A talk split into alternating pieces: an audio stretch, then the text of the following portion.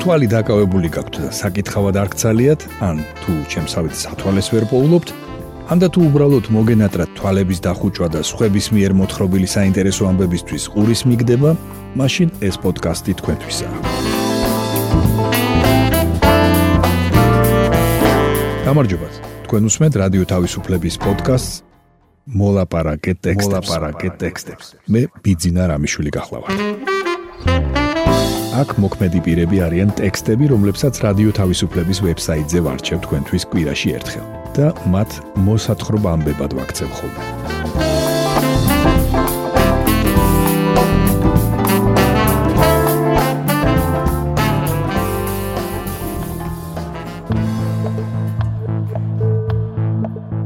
დღეს მოგითხრობთ ვაქცინაციის შესახებ ორსულობისა და ლაქტაციის პერიოდში. ვისაუბრებთ იმაზე თუ როგორ ვუთხრათ ბავშვს რომ მისი ახლობელი გარდაიცვალა. მოვისმენთ მოსაზრებებს გონიოს პოლიგონთან დაკავშირებული სამშენებლო გეგმების შესახებ.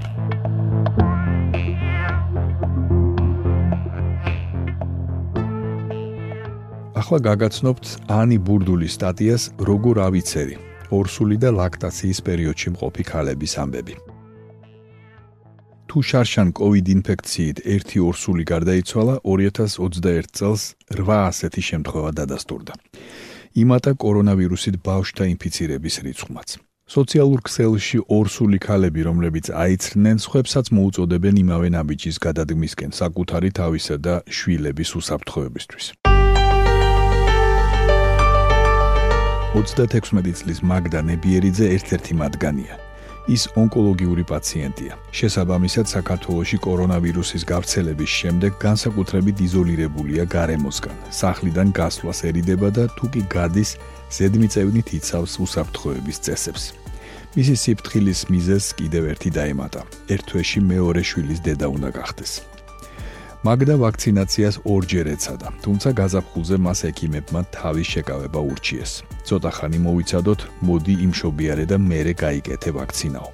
თუმცა მას შემდეგ რაც ქვეყანაში ვითარება მკვეთრად შეიცვალა, გაიზარდა ინფიცირებისა და ყოველდღიური გარდაცვალების შემთხვევები, გაჩნდა მეტი ინფორმაცია და კვლევები ორსულებისა და ლაქტაციის პერიოდში აცრილი დედების შესახებ.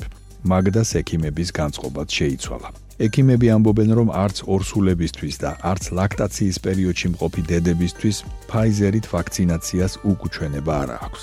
იმისთვის, რომ მეტი ორსულისთვის იყოს ვაქცინაცია მისაღები და მეტმა გაბედოს აცრა, მსახიობი რუსკა მაყაშვილი თავისი სოციალური ქსელის მეშვეობით მოუწოდებს სხვებსაც აიცრან. ამბობს, რომ ამის გამო ანტივაქსერები აკრიტიკებენ, თუმცა მაინც აგრძელებს თავის კამპანიას, რადგან მიაჩნია, რომ ერთადერთი გზა საკუთარი თავისა და სამი თვის კატოს ჯანმრთელობის დაცვისთვის ვაქცინაციაა. მიუხედავად იმისა, რომ პანდემიის გავრცელებისას ცნობილი იყო, რომ კორონავირუსი ორსულებსა და ბავშვებს არ ერჩის, დელტა შტამმა რეალობა შეცვალა.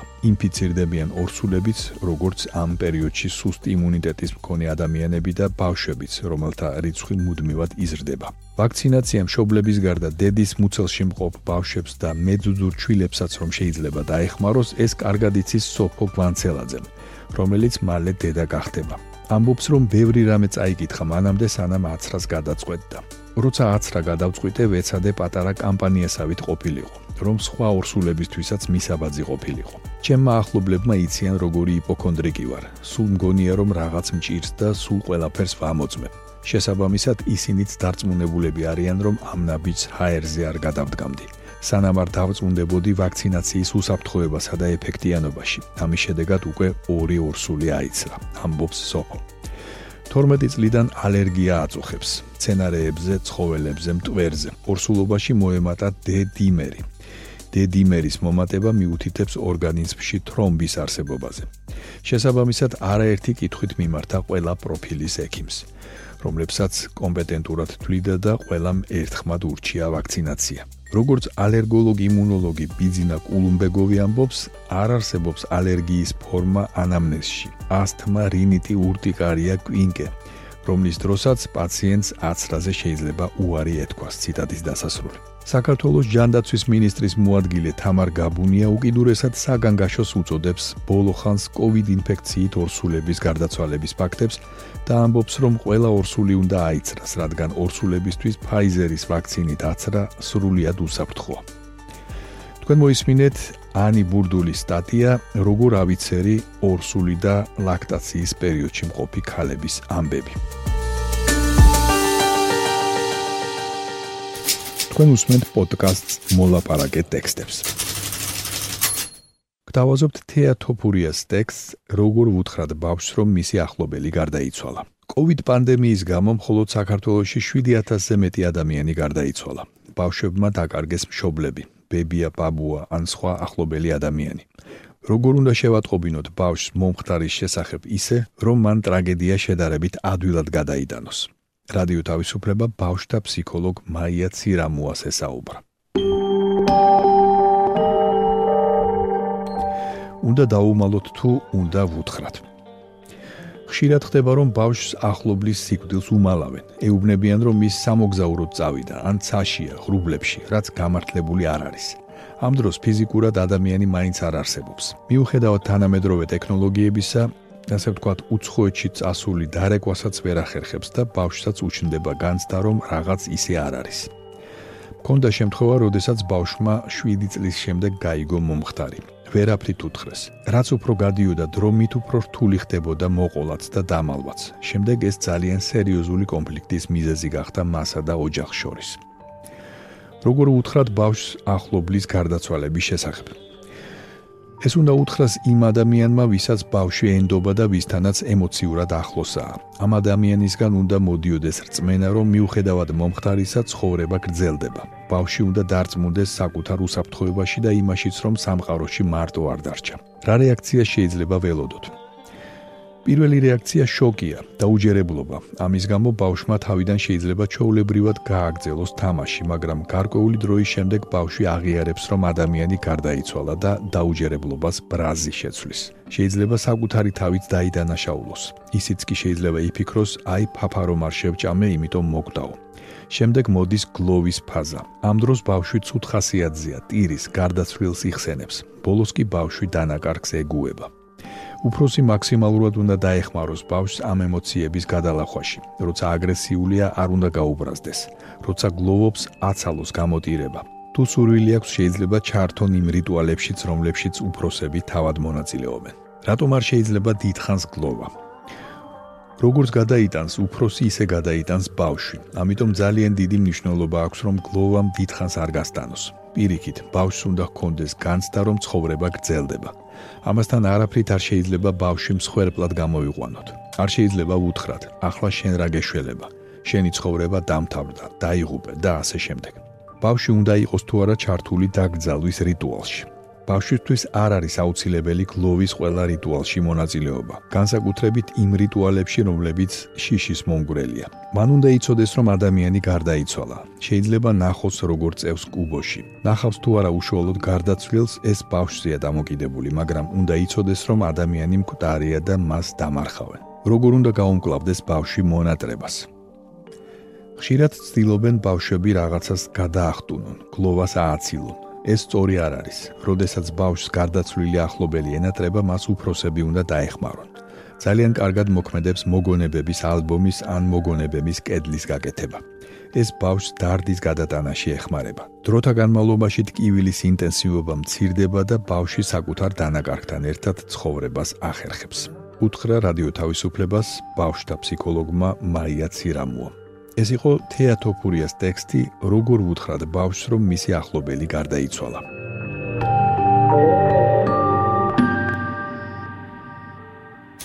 თქვენ უსმენთ პოდკასტს მოლაპარაკე ტექსტებს. პოდკასტს დაასრულებს ეკა ლორდკიფანიძის ტექსტი გონიოს პოლიგონი ადგილი კაზინოებისა და ბანკებისთვის თუ სოფლიო მნიშვნელობის დასაცავი ტერიტორია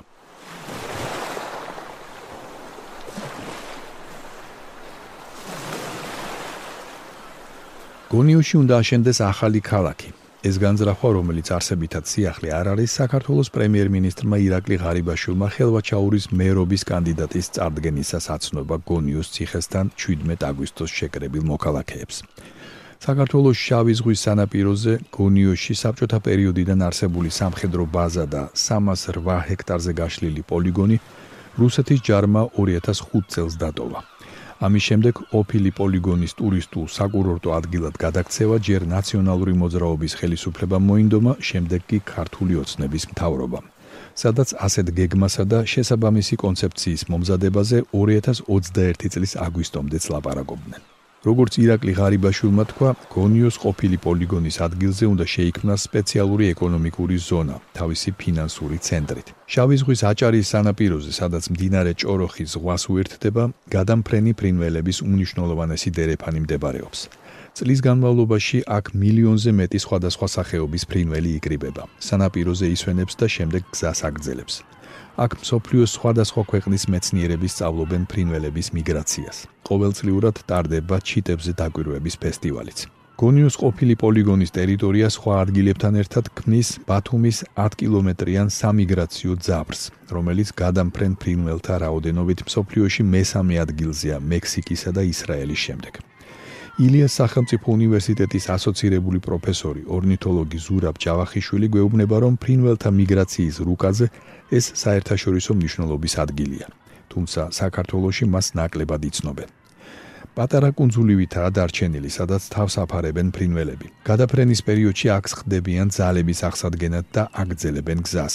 ქართულმა პუბლიკამ არ იცის ამის შესახებ, თორემ საერთაშორისო დონეზე ძალიან ცნობილი ადგილია. ყველამ, ვინც ამ სფეროში მუშაობს, იცის, რომ ტაცებლების გადაფრენის აღრიცხვისთვის ეს ადგილი დიდი ხანია არსებობს. სოფლიოში ნამდვილად ცნობილია როგორც მინიმუმ მესამე სიდიდით და ევრაზიის კონტინენტზე მეორე სიდიდით. ამბობს ზურაბ ჯავახიშვილი. ბათუმთან ახლოს რომ ფრინველების მიგრაციის მნიშვნელოვანი დერეფანი არსებობს, ეს უცხოელმა მეცნიერებმა ჯერ კიდევ საბჭოთა კავშირის შემადგენლობაში საქართველოს ყოფნის დროს იცოდნენ. ფრინველთა სადგურს იკვლევდნენ საბჭოთა მეცნიერებიც. დამოუკიდებელი საქართველოს პირობებში კი ველური ბუნების დამცველმა ორგანიზაციამ ფრინველებზე დაკვირვება და პირველი აღრიცხვა დაიწყო. ამ პროცესში ორნითოლოგი ზურაბ ჯავახიშვილიც მონაწილეობდა. ეს ტერიტორია აღიარებულია ყველა საერთაშორისო ინსტიტუციის მიერ, რომელსაც ეს თემა ეხება. საერთაშორისო ორგანიზაცია BirdLife-მა ჭოროხის დელტა მონიშნა მსოფლიოს მნიშვნელოვან ტერიტორიად.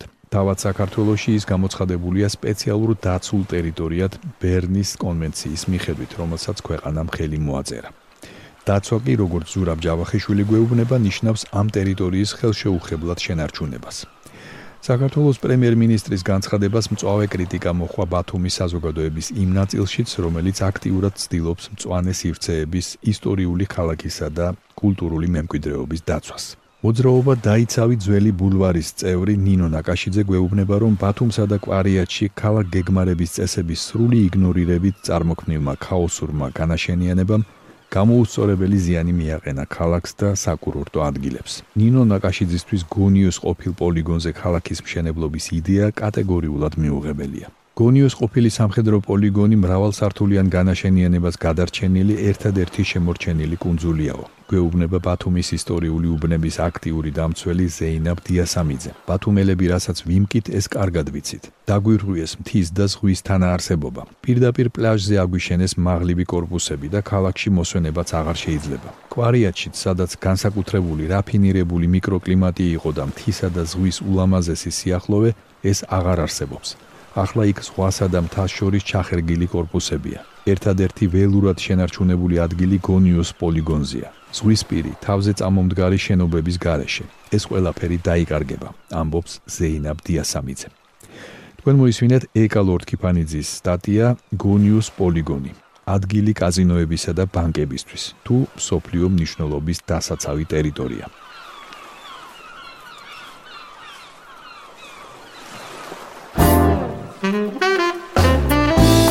თქვენ მოისმინეთ რადიო თავისუფლების პოდკასტი მოლაპარაკე ტექსტები.